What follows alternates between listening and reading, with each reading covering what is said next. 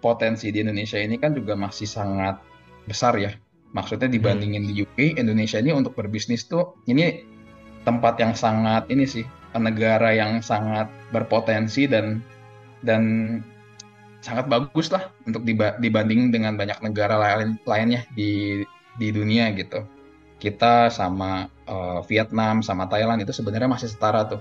Bagus untuk untuk memulai bisnis yang uh, baru tuh di di sini bagus lagi lagi berkembang. Nah, dari situ sih yang seninya yang aku lihat sih membuat menciptakan suatu ini sih, menciptakan suatu solusi kan. Menciptakan suatu solusi yang lebih baik dibandingin dengan kompetitor yang lainnya gitu. Halo teman-teman, gak terasa udah Jumat lagi. Pada episode kali ini, aku berbicara dengan Rian Proto atau akrab dipanggil Rian, seseorang yang dulu ku kenal dari YouTube dan sekarang sudah sukses menjadi pimpinan dalam suatu bisnis di industri mainan anak-anak. Pembahasan kali ini menurutku sangat menarik bagaimana caranya kita mengkultivasi budaya berbisnis, strategi spesifik yang menurutku akan sangat berguna bagi teman-teman yang udah mulai lulus kuliah dan bingung pengen ngapain, dan sedang memikirkan untuk memulai bisnisnya sendiri. Selamat menikmati. Bro Rian, udah lama nggak ketemu. Apa kabar Iya bro? nih. Good, good, good. Gila, kamu juga ini banget sih. Apa tuh? Eh, berubah banget. Wah, Tambah keren. amin, amin. Terima kasih.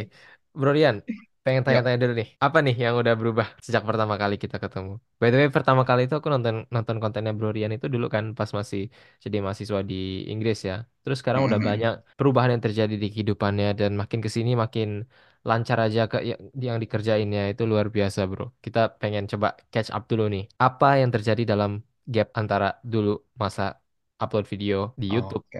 hingga Hmm. saat ini? Wah, ini sih eh, banyak banyak banget ya.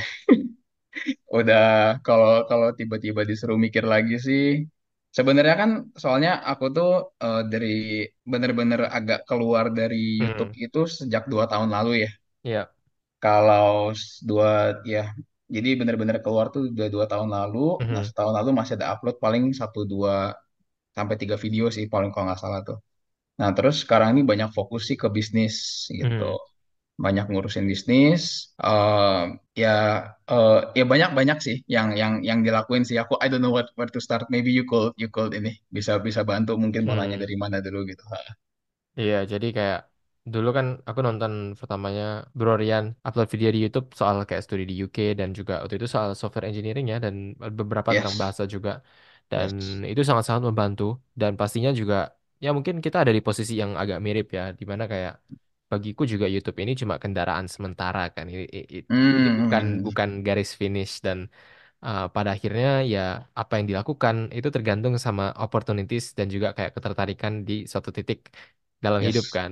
Dan Betul betul. ini agak beda sedikit sama banyak orang yang kutemui, di mana banyak orang yang kutemui itu cenderung pengen masuk YouTube nih. Sedangkan Hmm, Bro Rian udah lewat fase itu dan sekarang udah fokus ke bisnisnya di luar YouTube. Oke Penasaran oke. sih sama yang pertama, kita aku pengen tanya dulu gimana sih proses transisinya gitu. Karena udah Oh, Oke terbangun oke juga oke. kan cukup banyak audiens di YouTube dan Mhm. dalam titik apa merasa bahwa oke, ini udah saatnya untuk meninggalkan ini dan coba fokus ke tantangan baru. Oke, paham, paham, paham. Oke. Kalau aku nih bisa dibilang tuh orang kan banyak tujuannya ya, eh, bro. Kalau misalkan mau masuk YouTube tuh mau apa? Kan ada yang mau tuh Hmm, untuk ningkatin bisnisnya, bisa jualan, bisa ketemu hmm, temen gitu. Kalau aku ya, tuh emang hobi soalnya. Dari aku SD itu hobi banget bikin video. Dulu videonya dari bikin pakai PSP, pakai handphone orang tua gitu, dipinjem kamera orang tua. Pokoknya pinjem dari SD tuh suka bikin video. Sampai dulu kan waktu masih kecil cita-citanya sebenarnya mau jadi uh, director film sih sebenarnya.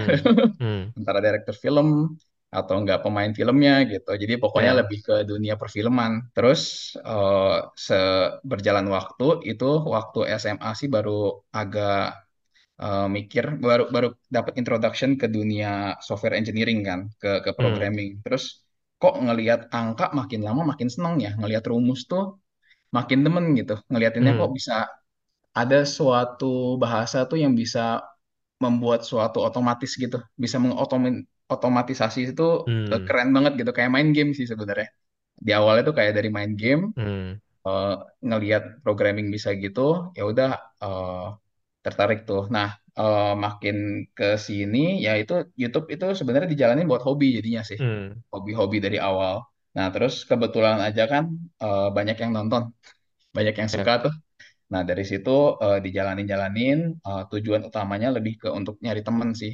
Jadi bisa ketemu Hmm. Bro Zahid, ketemu eh, teman-teman yang lain juga gitu. Nah, dari situ eh, udah mikirnya sih dari dulu emang YouTube tuh bukan bukan jadi ini, bukan jadi platform utama buat aku berkembang ke depannya gitu. Hmm. Nah, waktu transisi ke bisnis ini, aku lebih ngerasain gini kan dulu jadi eh, pas pertama kali aku balik ke Indonesia, itu aku jalanin si YouTube sama bisnis ini sekaligus ya. Jadi Ya. berbarengan. Nah, Hmm. semakin jalan ke sini tuh bisnis aku nih udah lebih tanggung jawab di bisnis ini lebih besar, Hmm. semakin gak ada waktu aku di YouTube I gitu. see. Nah, semakin gak ada di YouTube, nah di waktu bersamaan juga kita kan semakin dewasa ya. Semakin Hmm. dewasa, semakin banyak kebutuhan kita. Iya, benar. Terus aku lebih mikirin ke depannya nih, yang paling memungkinkan untuk aku lanjutin ini apa gitu. Jadi prioritas Hmm. utama aku tuh kan yang pasti untuk bisa mandiri dong ya. Kan kita nggak mau sama orang teru- orang Iya, orang iya. tua terus nih. Kita Iya. nggak mau bergantung sama orang. Jadi bagaimana eh, caranya supaya kita bisa eh, mandiri Ya, itu dengan cara eh, kalau dibandingin YouTube atau bisnis, bisnis aku nih Hmm. kebetulan lebih eh, lebih ada potensi lah ke depannya Iya. dibandingin si YouTube gitu. Hmm. Nah, jadi aku sekarang ngelihatnya sih YouTube sebagai masih sebagai hobi, eh, tapi ya bisnis sebagai bisnis untuk aku ke depannya gitu. Nah, untuk trans masa transisinya sendiri sih pelan-pelan sih aku juga nggak gitu kerasa soalnya Oh, pelan-pelan Hmm. eh, pelan-pelan eh, makin banyak tanggung jawab, makin banyak karyawan, jadi eh, makin sibuk. Hmm. Dulunya masih bisa ketemu teman, sekarang udah agak agak sulit gitu. Hmm. Makin harus banyak time time managementnya lah dibandingin dulu gitu. Hmm. Terima kasih Bro Rian di waktu sibuknya udah sempetin ya buat ngobrol di sini. Oke, nggak Eh, apa-apa dong. Terus Ya, juga ya. ini aku sebenarnya juga salah satu yang pengen belajar lebih tentang bisnis ya, karena aku juga cukup resonate di di mana di sana di mana sebenarnya ya YouTube ini adalah kendaraan sementara kan kayak tadi ku sebut dan mungkin kayaknya aku sendiri lebih tertarik sama YouTube pun tuh dari aspek bisnisnya daripada dari aspek kayak terkenalnya gitu loh. Makanya aku aku pun sekarang suka kalau misalnya ada orang yang menurutku kayak bukan target audiensku terus kayak suka komen-komen yang enggak enggak lah atau apa. Itu aku enggak enggak terlalu takut untuk blok gitu loh. Maksudnya kayak Iya, ini bukan bukan hanya komentar negatif, tapi juga Ya, komentar positif yang berlebihan gitu banyak juga kan. Itu aku mm, blok gitu karena kayak ya itu bukan tujuanku gitu dan bisnis ini sangat-sangat menarik.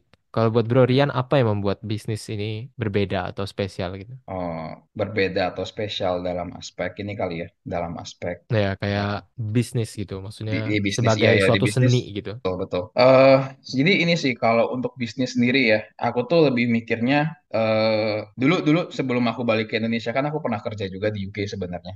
Hmm. Dan bekerja kalau mau apa?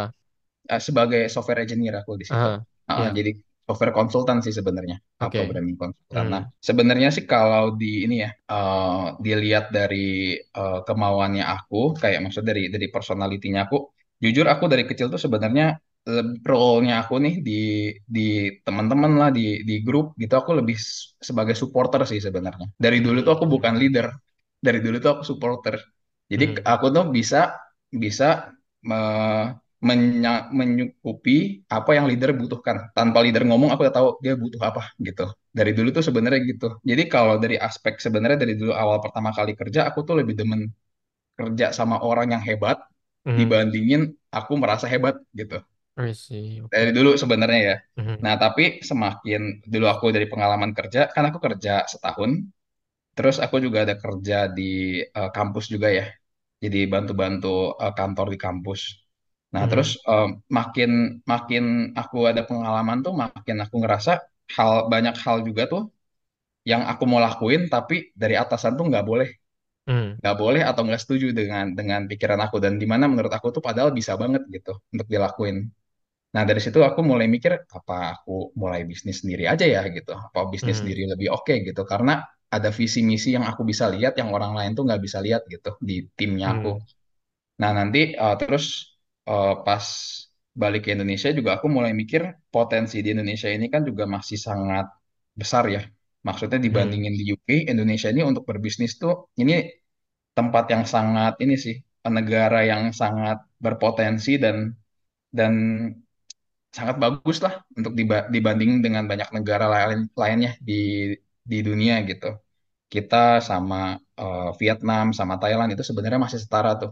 Bagus untuk untuk memulai bisnis yang eh, baru tuh di di sini bagus lagi lagi berkembang.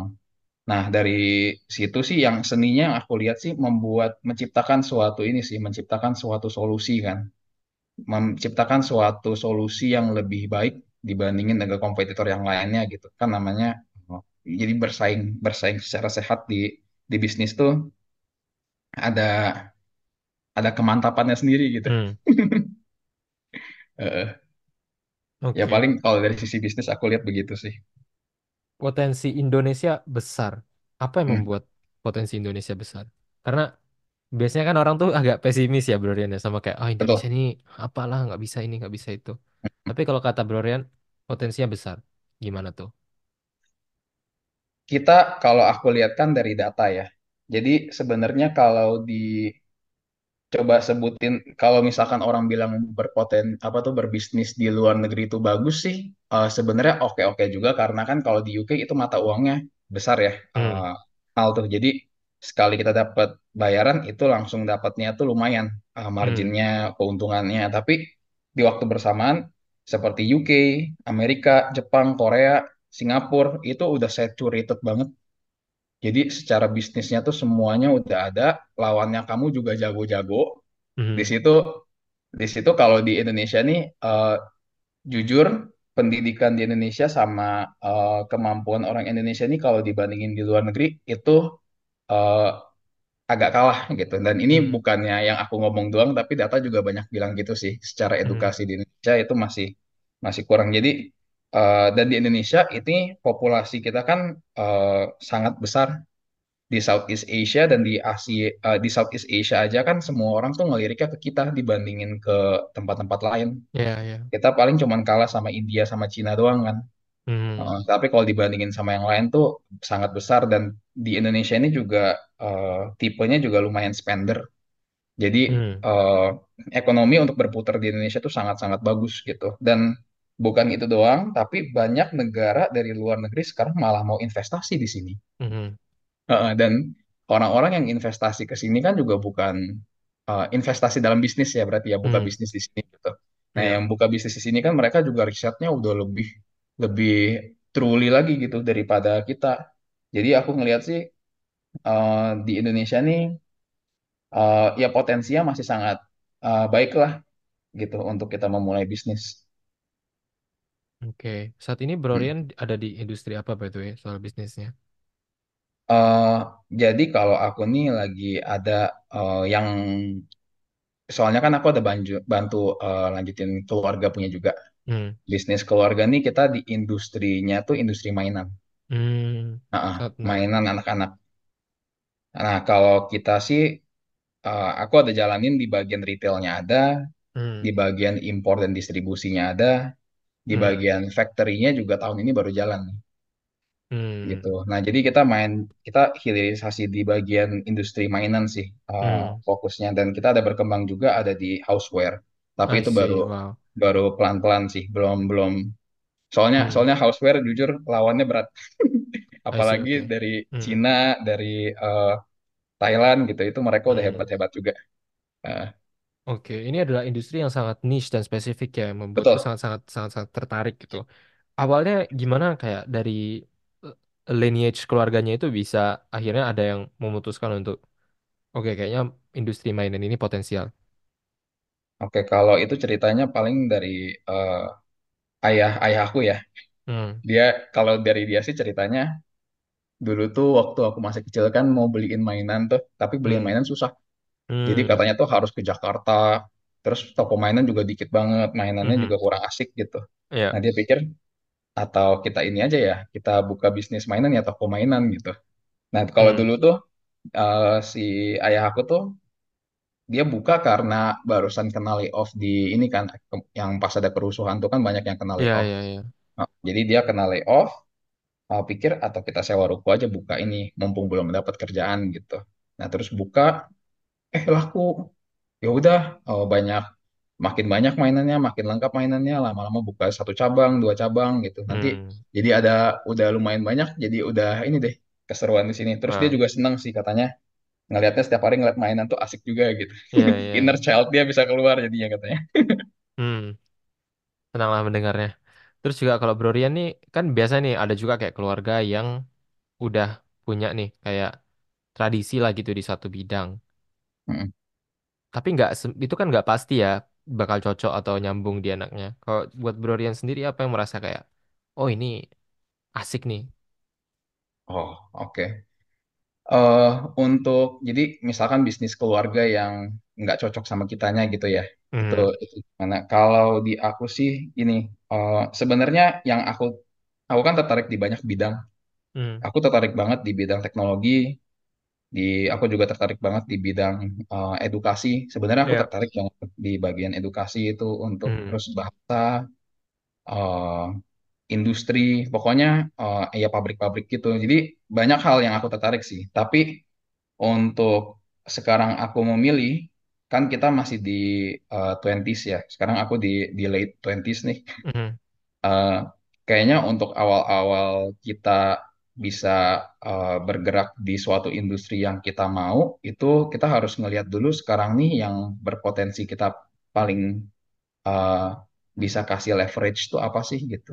hmm, Nah, kalau aku sih ngelihatnya dari sisi leverage paling yang bisa memungkinkan aku ke depannya untuk pindah industri atau memasuki industri baru itu dengan melanjuti bisnis keluarga ini sih gitu. hmm, Da- tapi di waktu bersamaan um, sebenarnya tertarik ya tertarik dan tertarik juga gitu. Tapi tertarik aku juga banyak kan hmm, di hmm, banyak industri lainnya. Tapi ya itu aku pilihnya karena leverage yang paling yang yang bisa membantu ngeboost aku dulu lah gitu untuk ke depannya hmm. aku bisa invest di di bagian lain. Oke. Mm. Kalau Bro Rian sendiri nih ayahnya gimana sih caranya untuk kayak nge-prepare sama kayak tumbuh kembang kan? Gimana caranya orang tua tuh nge-prepare jadi pas udah datang nih udah sampai umurnya tuh siap untuk take over. Oh, kalau itu eh, ngomong jujur aja, my my dad, ayah aku tuh dia tuh a leader tapi Mhm. bukan a teacher. I see. Gimana tuh Dia bedanya? dia dia nggak bisa. Jadi eh, kan banyak orang tuh bisa mimpin tapi nggak bisa ngajar. Jadi dia Mhm. salah satunya sih.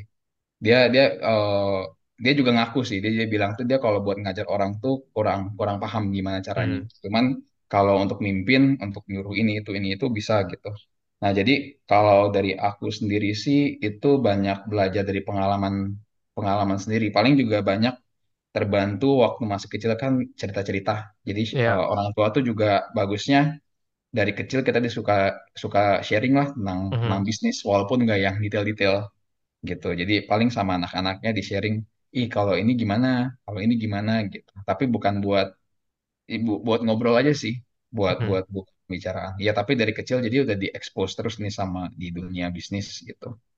Nah, tapi jadi banyakan sih belajar dari pengalaman sendiri. Jadi terjun masuk ke dalam, Mhm. apa yang aku bisa lakuin nih di perusahaan.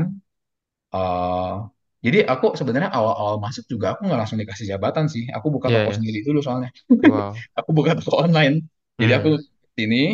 Eh, masuk ke, ke Indonesia. Dan dia mau buka bisnis dari modal yang aku udah kumpulin dari gaji aku di UK. Terus Mhm. kan COVID. Nah dari Mhm. COVID itu nggak bisa, ya udah aku di sini bisa ngapain ya? Ya udah buka toko online gitu. Jadi aku buka toko di itu di marketplace, ngambil mainannya. Itu banyak kan dari supplier yang aku tahu yang paling eh ya yang yang aku tahu ya dari Mhm. dari eh, usaha keluarga ini sih dari situ. Nah makin lama makin ke sini makin aku ngelihat banyak hal yang harus diperbaiki di usaha keluarga ya aku coba kasih sugesti-sugesti ya baru ya udah coba kamu masuk di jabatan sini sama awal dari marketing dulu jadi ngejual-jualin barang ke orang cari cari customer gitu nanti terus makin ke sini udah masuk ke operasional ke mana gitu sampai sekarang Mhm. jadi mimpin mimpin the whole company sih gitu Wow. Hmm. Tadi Bro Rian cerita bahwa awalnya butuh modal dari gaji yang dikumpulin selama di UK ya. Itu hitungan modalnya itu gimana? Apakah kayak berapa bul kali ini kah atau apakah? Oh, untuk modalnya kalau toko online kan enaknya kalau toko online itu kan modalnya nggak besar ya Hmm. Beda sama kalau kita harus mau buka toko asli kan, mungkin nanti ada renovnya, ada biaya sewa di muka gitu. Nah, itu Ya. agak sulit. Tapi kalau misalkan untuk buka toko online sih, Uh, bagusnya juga waktu 2000 se- kan aku masuk toko online tuh sebelum 2020 jadinya 2019 Hmm. Itu sebelum uh, nge-booming tuh sebelum marketplace booming soalnya kan belum COVID Mhm. waktu COVID kan tiba-tiba baru tuh semua orang belanja online jadi Yap. aku dapat momentum itu juga sih sebenarnya hokinya Mm-mm.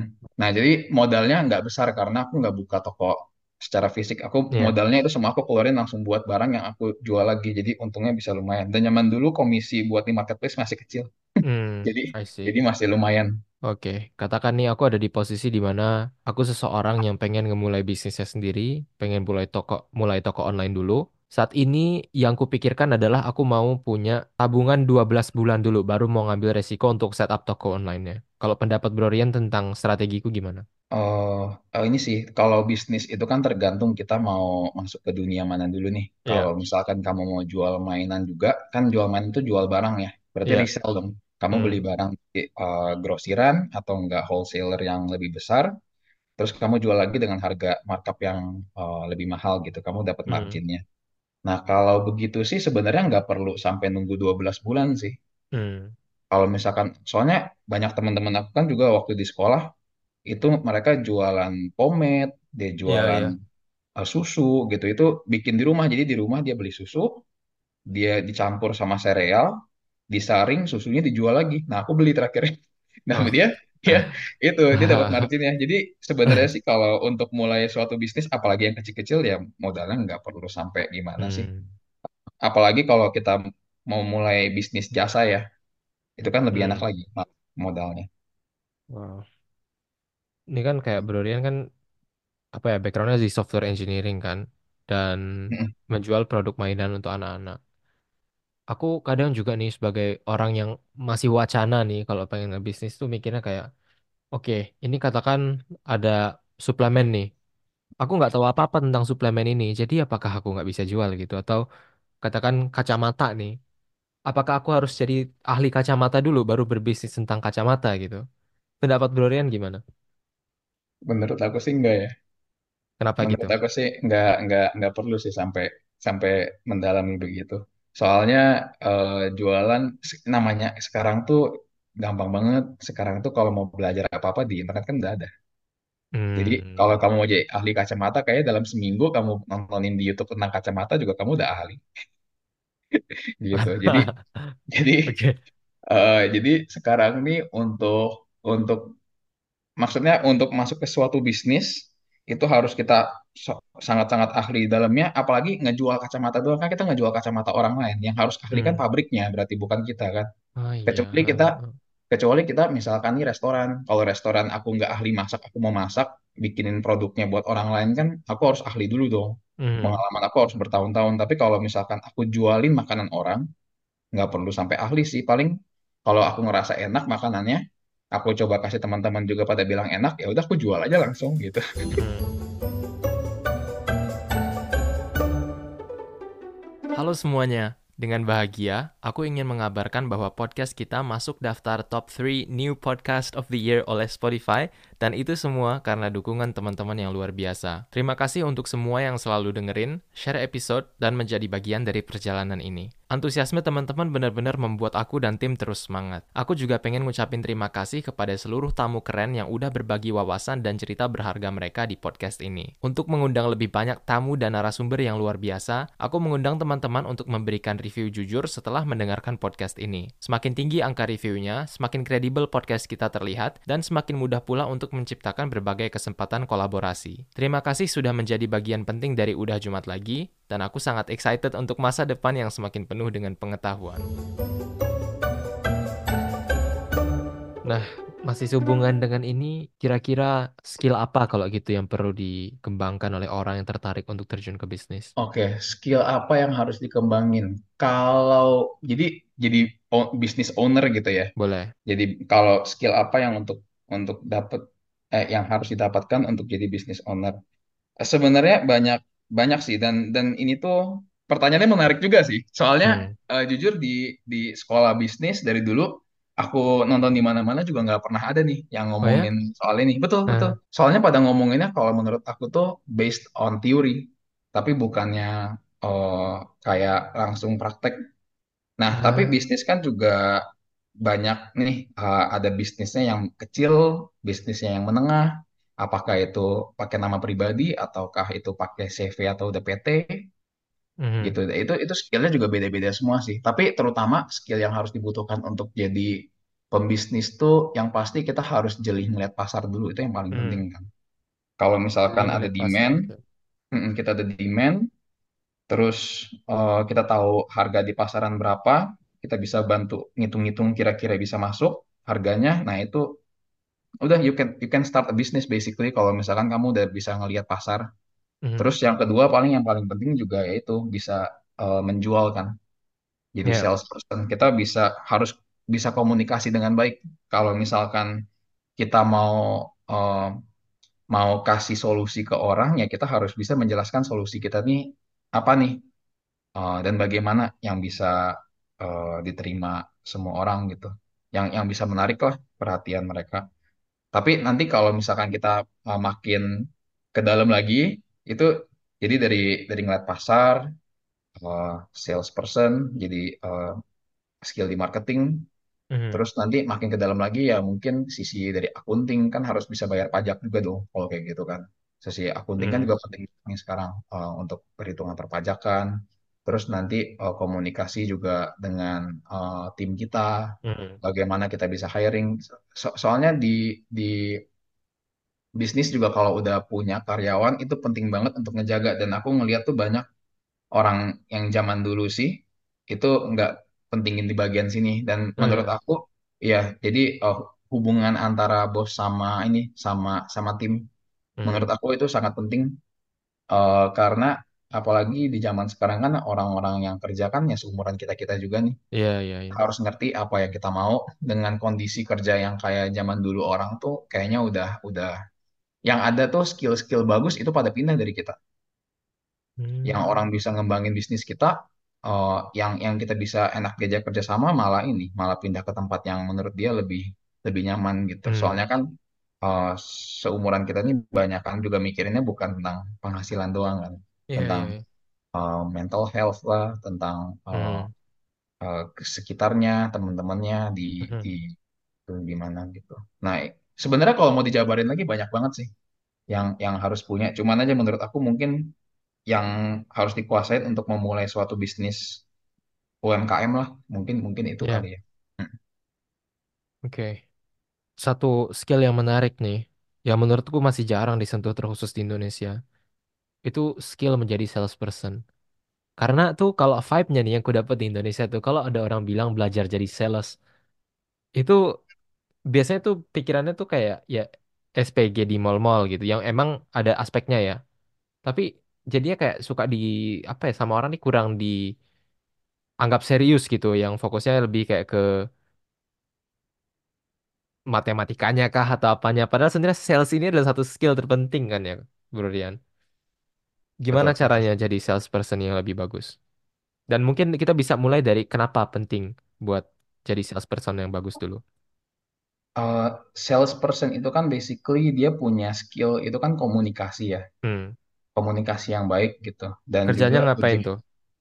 uh, kerjanya salesperson ya menjual suatu barang, men Aha, uh, oke. introduce, me, me- ya mengintroduce suatu barang yang kita punya, Hmm. lalu menjelaskan uh, bagaimana barang ini bisa bisa membantu customernya gitu. Hmm. Dan an- antara itu kalau aku ngejual uh, barang tuh bagaimana mainan ini bisa ngebuat anaknya happy, bagaimana bisa melatih uh, um, melatih uh, gerakan motorik anaknya gitu-gitu. Hmm. Uh, menurut aku sih ya se- jadi salesperson tuh uh, ya orang tuh bener juga sih kalau orang ngomongin tentang salesperson itu langsung mikirnya SPG gitu sih. Padahal salesperson kan kita buat YouTube juga itu salesperson kita Iya, sebenarnya. iya, iya. Benar, benar, benar, benar. Kita kan menjual konten kita sebenarnya. Hmm. Benar. Makin orang bisa ngeliatin apa tuh, dengerin uh, kita terus, ngeliatin video kita, ya itu berarti kita udah berhasil menjual konten kita ke orang. Wah, iya. Dan salesperson ini, fun fact, aku juga lagi proses melatih diriku untuk sales yang lebih baik kan. Aku lagi kayak, kemarin aku sempat satu setengah tahun tuh kerja sama Ali Abdal kan. Terus Hmm, aku kayak mau hmm, coba kayak consulting di Indonesia gitu. Yang mana aku menjual coaching premium yang sangat-sangat tinggi harganya untuk orang Indonesia. Dan ini memaksaku untuk latihan sales gitu. Dan ini dunia baru buatku. Cuma nih aku belajar kayak psikologi manusia gitu. Apa yang membuat seorang tuh mau beli, apa yang enggak gitu. Karena uang kan salah satu hal terpenting ya. Maksudnya yang bisa di-share universal gitu. Maksudnya orang ngerti lah cara atau cara kerja uang gitu. Kalau Blorian sendiri kemarin tuh gimana cara ngelatih skill salesperson? Terkhusus misalnya katakan kayak pas kita proses sales kan tuh lebih banyak yang ditolak daripada yang dijawab iya kan. Itu gimana cara ngadepin kayak gitu? Oh, mungkin udah terlatih di YouTube kali ya kita ya. Hmm, gimana? YouTube udah maksudnya kalau kan main YouTube kan dari SD ya. Itu kan yang komen-komen nggak suka, Iya, iya, iya. yang ya yang yang pokoknya diejek-ejek secara publik tuh udah biasa lah, udah udah yang penting ya this is me gitu. This is this is my content, this is what I made. Eh, kalau suka ya bagus, kalau nggak suka ya ya udah gitu. Hmm, Kalau jadi eh cara cara aku ngelatih itu eh, ini sih paling oh, bagaimana cara supaya orang suka sama kita kan. Yang paling penting sebenarnya dari semua aspek sales sih eh, beda beda dari ini ya. Kalau misalkan kita buat suatu marketing campaign itu kan beda tuh. Bagaimana cara hmm, supaya tertarik dengan barangnya. Tapi kalau jadi salesperson tuh beda. Bagaimana supaya orangnya itu percaya dengan kita nggak sih? hmm, Gimana caranya supaya kita percaya apa orangnya itu bisa percaya sama kita. Misalkan nih, aku ngejual suatu barang, suatu solusi eh buat Bro Zaid nih, aku aku menjual suatu solusi yang bagus banget secara secara teori gitu, secara yang hmm, ini udah bagus. But you don't believe me. ya, Ya kamu nggak percaya aku, aku bisa ngal aku aku nih orangnya siapa sih? Aku nih eh eh, ya aku siapa, aku bisa apa, skillnya aku masih dipertanyakan, eh backgroundnya aku masih dipertanyakan. Ini dulu orang hmm, kan pernah nipu nih, pernah apa? Nah itu ya, ya, ya ya. udah udah pasti ini punya sih, ditolak punya sih. Jadi Eh, kalau aku sih bagaimana cara supaya bikin orang tuh percaya sama kita? Ya pasti ini juga eh, banyak belajar dari orang-orang lain, terutama dari buku-buku kan juga banyak tuh yang ngomongin tentang bagaimana cara supaya kita bisa eh, membuat teman. Yang contohnya kayak si Dale Carnegie punya tuh, Hmm, yang How to Win Friends and Influence I People see. itu kan Oke, itu kan almost everyone, eh, iya. almost every businessman lah. Pokoknya yang Hmm, udah mau masuk ke situ pasti baca itu sih. hmm, benar-benar. Terus seberapa penting market yang tepat dan apa itu sebenarnya yang dimaksud dari market yang tepat? Apa kita berbicara ini jumlah calon pembelinya banyak nih atau oh ini pendapatan calon pembelinya tinggi nih. Apa yang dianggap market yang tepat itu, Bro Rian? market yang tepat itu ketika eh, ketika eh, supply sedikit, demand-nya sangat tinggi, terus eh, barrier of entry-nya nggak sulit, eh apa eh, barrier of entry-nya tuh agak sulit malah kalau menurut aku. Mhm, Terus eh, ya on budget juga sih ininya, on budget juga sih bisnisnya, mhm, potensi bisnisnya. Jadi kalau dijelasin satu-satu, eh, kan eh, supply-nya apa demand-nya tuh harus tinggi ya kita harus tahu dulu dong apa yang kita mau jual. Mhm, ini kan diterima semua orang nih diterima eh, mhm. potensi customer. Nah kedua kan juga kita harus ngelihat supply-nya. Misalkan aku mau jual ayam goreng. Nah Ya, ayam gorengnya aku mau buka cabang di mana nih? Kalau misalkan daerah Jakarta ap- berapa banyak nih yang di Jakarta udah buka ayam goreng apakah ayam gorengnya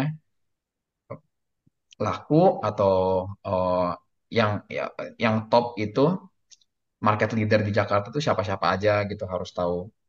Nah, aha, terus eh, yang aku maksud juga barrier of entry itu se- sesulit apa sih untuk masuk ke bisnisnya? Mhm, mhm. Soalnya kan eh, lebih mudah barrier of entry-nya itu, lebih mudah orang masuk ke dalam bisnisnya, pasti kompetisi makin lebih gampang makin banyak. Ya, Contohnya itu ada satu brand es krim kan, yang es krim sama boba di Indonesia terakhir tuh bikin, sekarang kan kompetitornya udah banyak. Dan di Indonesia ini bukan itu doang sih, banyak hal terutama di F&B yang makanannya tuh bisa diduplikat secara gampang, itu cepet banget. Kalau trending sekarang, paling bulan depan toko-toko lain udah pada ngikutin semua. mm, ya, Nah, kalau misalkan kita bikin suatu hal yang susah untuk diduplikat, itu lebih mu- lebih mudah untuk kita secara long term sih. Jadi bisnisnya lebih stable dibandingin yang eh, entry-nya, terutama kalau yang barrier of entry-nya tuh terlalu mudah tuh banyak yang orang iseng-iseng juga. Coba buka aja. Hmm. Eh, Mhm. coba coba buka, banyak juga yang bukanya tuh nggak pakai hitung-hitungan, jadi mereka ngancurin Ya. pasar.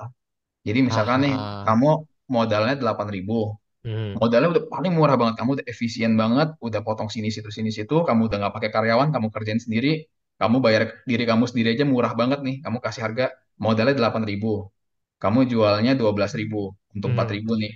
Mhm. Kompetitor kamu tiba-tiba ada lagi yang buka, dia jualnya persis banget sama kamu, jualnya 10.000. Nah, kamu Mhm. kamu ngikutin, ya udah deh, untung 2.000 masih oke deh gitu kamu ikutin sepuluh ribu Mhm. komputer kamu ini eh, ini lagi makin ekstrim lagi dia nggak hitung hitungan dia katanya Ya. oh toh namanya ini bisnis pertama harus harus sukses dong gitu dia nggak hitung hitungan mestinya dia punya modal juga delapan ribu nih tapi dia jualnya delapan Ya. ribu juga gitu Hmm. dan banyak yang kayak gitu di Indonesia ini banyak banyak sekali yang kayak gitu jadi itu itu sa- salah satu kesulitannya juga sih yang harus diantisipasi Hmm. Oke, I see. Thank you, bro. Eh, Mm, terus sekarang kan Brian ada di industri mainan anak-anak ya. mm. Kira-kira apa perkembangan yang paling menarik di industri ini?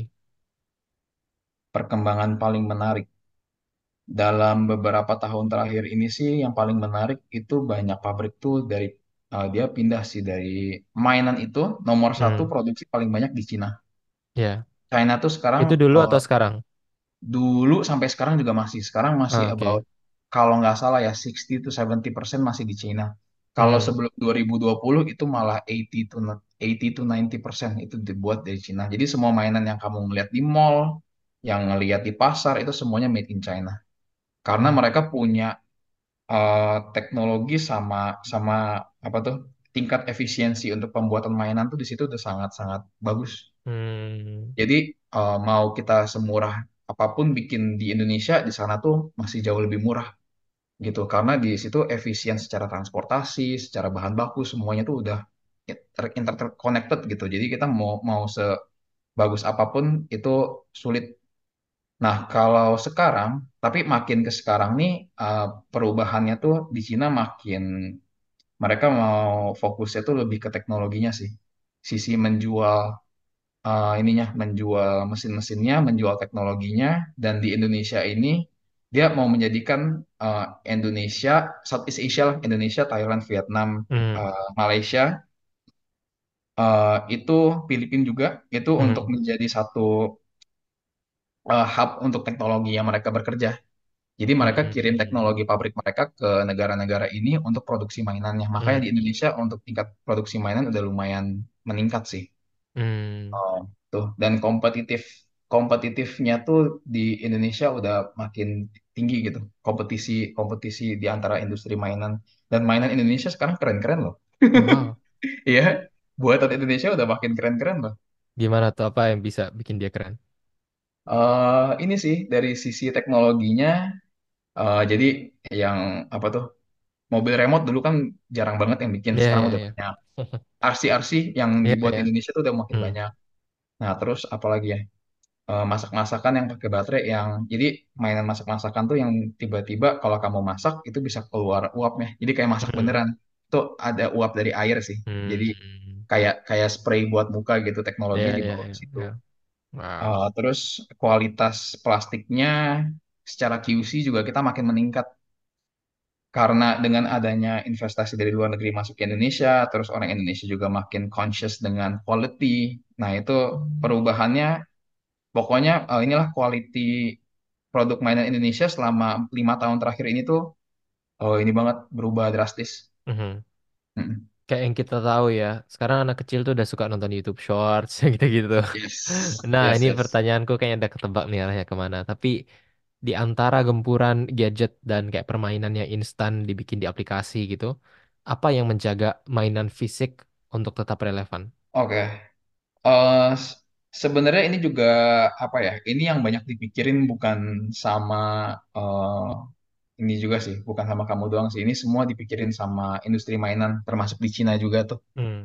Bagaimana caranya supaya anak tuh makin apa tuh eh, menjaga industri main anak-anak ini supaya nggak nggak hilang. Hmm. Tapi di waktu bersamaan aku juga mikir untuk mainan hilang dari dunia ini sih nggak mungkin ya. Kalau bener-bener sampai hilang tuh nggak mungkin. Hmm. Paling mengecil. Kalau mengecil bisa aja gitu. Karena dengan adanya eh, iPad, eh, terus YouTube Shorts, itu anak-anak kan sekarang suka main-main gitu tuh. Jadi makin makin mengecil sih bisa. Apalagi orang tua dengan beli satu teknologi seperti iPad atau pinjemin handphonenya kan nggak perlu keluar modal untuk ini kan, beliin mainan kan. Itu Hmm. sebenarnya kayak salah satu faktor yang paling besar mempengaruhi penjualan apa tuh eh, penjualan mainan dibanding dengan teknologi yang anaknya bisa langsung pegang yaitu secara ini sih secara spendingnya. Jadi orang tua nggak perlu spending untuk mainan lagi. Nah, Hmm. tapi untuk industri menjaga supaya enggak eh, orang supaya tetap beli mainan gitu sih. Sebenarnya kalau dari kita ya make make the make the toys as fun as possible nggak sih? Pokoknya kalau maka- Hmm. mainan tuh makin asik dimainin, makin orang suka untuk mengkoleksi. Soalnya sekarang makin banyak orang kan juga yang mainan yang mainin mainan itu kan bukan orang bukan anak kecil doang. Ya. Orang dewasa juga uh, RC makin terkenal. Wow, iya, iya. iya. Orang main Tamiya, orang main Beyblade, terus eh, orang koleksi kartu, main Lego. Sekarang juga makin banyak sih yang ke situ sih. Hmm. Eh, nah, terus untuk eh, orang tua kan makin banyak conscious juga dengan anak-anaknya mau main bareng nih, mau ada Hmm. spending quality time sama anaknya mungkin dari sebelumnya itu sama orang tuanya kurang ada spend Hmm. quality time. Dia mau memperbaiki sekarang. The only way untuk supaya bisa ada ini kan face to face interaction itu kan with toys. Hmm. Uh, jadi uh, jadi-jadian lah pakai topi chef, main Iya, iya. masak-masakan bareng gitu. Jadi paling uh, ya kita ini sih secara industri itu berkembang dengan zamannya juga sih gitu. Kita nggak Hmm. bisa kita nggak bisa salahin iPad juga gitu. Jadi ya kita berkembang lah make make the toys as fun as possible and as good as quality as possible with the most competitive price. Hmm. Uh, people will ini kok masih bakal beli gitu. Hmm. Bro Rian sejauh ini kan udah banyak banget nih buat sacrifices untuk bisa lanjutin bisnis keluarga ini dan saat ini juga jadi headnya ya di perusahaannya. Dan untuk bisa lanjut di sini pastinya ya kita butuh sesuatu yang menjaga kita untuk tetap terapung lah. Hmm. Kalau dari Bro Rian sendiri itu apa gitu? Kalau dari segi katakan entah hobi atau ketertarikan di luar dari berbisnis? Oh, jadi maksudnya tuh aku nyampe sini tuh dengan motivasinya apa gitu ya. Boleh, kita bisa mulai dari sana. Ya mungkin kalau motivasi sih aku sih ngelihatnya lebih ke tanggung jawab ya. Oke. Makin aku dewasa, makin aku tanggung jawabnya makin besar, aku lebih Hmm. tahu, oh eh, nanti ke depannya I have to start my own family. Ya, ya. Eh, itu juga mimpi aku sih, jadi bukannya suatu paksaan dari mana-mana. I, I want Hmm. to start new family. Terus aku mau bisa eh, berbagi dengan keluarga aku, dengan teman-teman aku gitu. Jadi eh, kalau motivasinya sih, jadi lebih lebih ke sana sih setiap kali aku mikirin tentang eh, ya gimana ke depannya, aku mikirin ke situ. A- aku mau sebisa mungkin tuh nggak mau inilah sebagai banyakan banyakan sih sebagai eh, laki-laki, sebagai cowok kan maunya Hmm. ada ada gengsinya gitu, Ya. pengen pengen provide for the untuk Hmm. untuk kenalan-kenalan kita. Mungkin dari dari situ sih itu yang paling motivate aku sih sebenarnya. Jujurnya Hmm. kalau kalau yang lainnya tentang tentang uang tentang apa ya itu sebenarnya basically semuanya balik ke situ lagi, Hmm. balik ke ke secara tanggung jawab sama my my my pride as a as a man gitu sih. I see, oke. Ini juga sesuatu yang belakang ini kupikirin ya kayak nggak nyangka juga akhirnya masuk ke fase ini di mana mulai mikir apakah ini waktu yang tepat untuk menemukan love gitu? Apakah aku harus nanti mem- membangun keluarga Iya, gitu? iya. Ini sangat menarik. Terima kasih, Brian. Dan ya saat ini lagi senang apa nih? Lagi tertarik sama apa? Oh, se- eh, apa tuh akhir-akhir ini ya? Hmm. Eh, ya jujur li, aku aku ini sih eh agak sedikit ya waktunya untuk untuk untuk diri sendiri gitu. Banyakan sih Hmm. mikirin udah usaha sih, soalnya dari pagi sampai sore, malam-malam paling eh, kerjain hobi-hobi yang yang aku Hmm. biasanya aja sih. Paling Siapa tuh? em, apa ya? Ya paling nonton nonton YouTube juga gitu. Fair enough. Iya, ya paling nonton YouTube. Tapi YouTube-nya aku uh, paling yang agak lucu so, lucu lucu nih uh, my my interest interestnya aku tuh di YouTube agak berubah. Dulu tuh yang lebih fun vlog gitu. Sekarang Ya, tuh aku kayaknya semua hampir semua rekomendasi YouTube aku tuh tentang ini sih, tentang perkembangan dunia sih, tentang Wah. news. I'm I'm becoming a a dad man. I'm becoming old. I'm becoming my my my dad. Jadi aku aku nontoninnya berita gitu dan itu tertarik. Aku nggak tahu, Ah. aku ngeliat itu kayak oh menarik juga tentang politik. Aku aku nggak gitu aktif sih, maksudnya di politik Hmm. di apa aku Ya, nggak ya. aktif. Cuman it's interesting to see dan itu jadi satu apa ya satu basis juga untuk aku mengambil keputusan terutama di bisnis. Mungkin oh Hmm. mau ekspansi, oh jangan, ntar kayaknya ada aturan baru, ada ini baru, ada apa gitu. Hmm. Terus eh, misalkan mau eh, ya planningnya ke depannya mau gimana? Oh mau mau beli rumah? Oh Hmm. jangan, Eh, sekarang ini masih tinggi harganya, nanti tunggu turunan atau apa gitu. Jadi ya paling kalau secara interest ke sana sih. Tapi kalau hobi-hobi lainnya ya paling biasalah eh, my my my usual hobi itu kayaknya semua orang yang eh, yang yang ngikutin aku juga tahu aku hobi jam jam Hmm. mobil eh, sama tech sih. Jadi eh, perkembangan teknologi jadi semacam ya AI itu aku ngikutin terus tuh. Aha.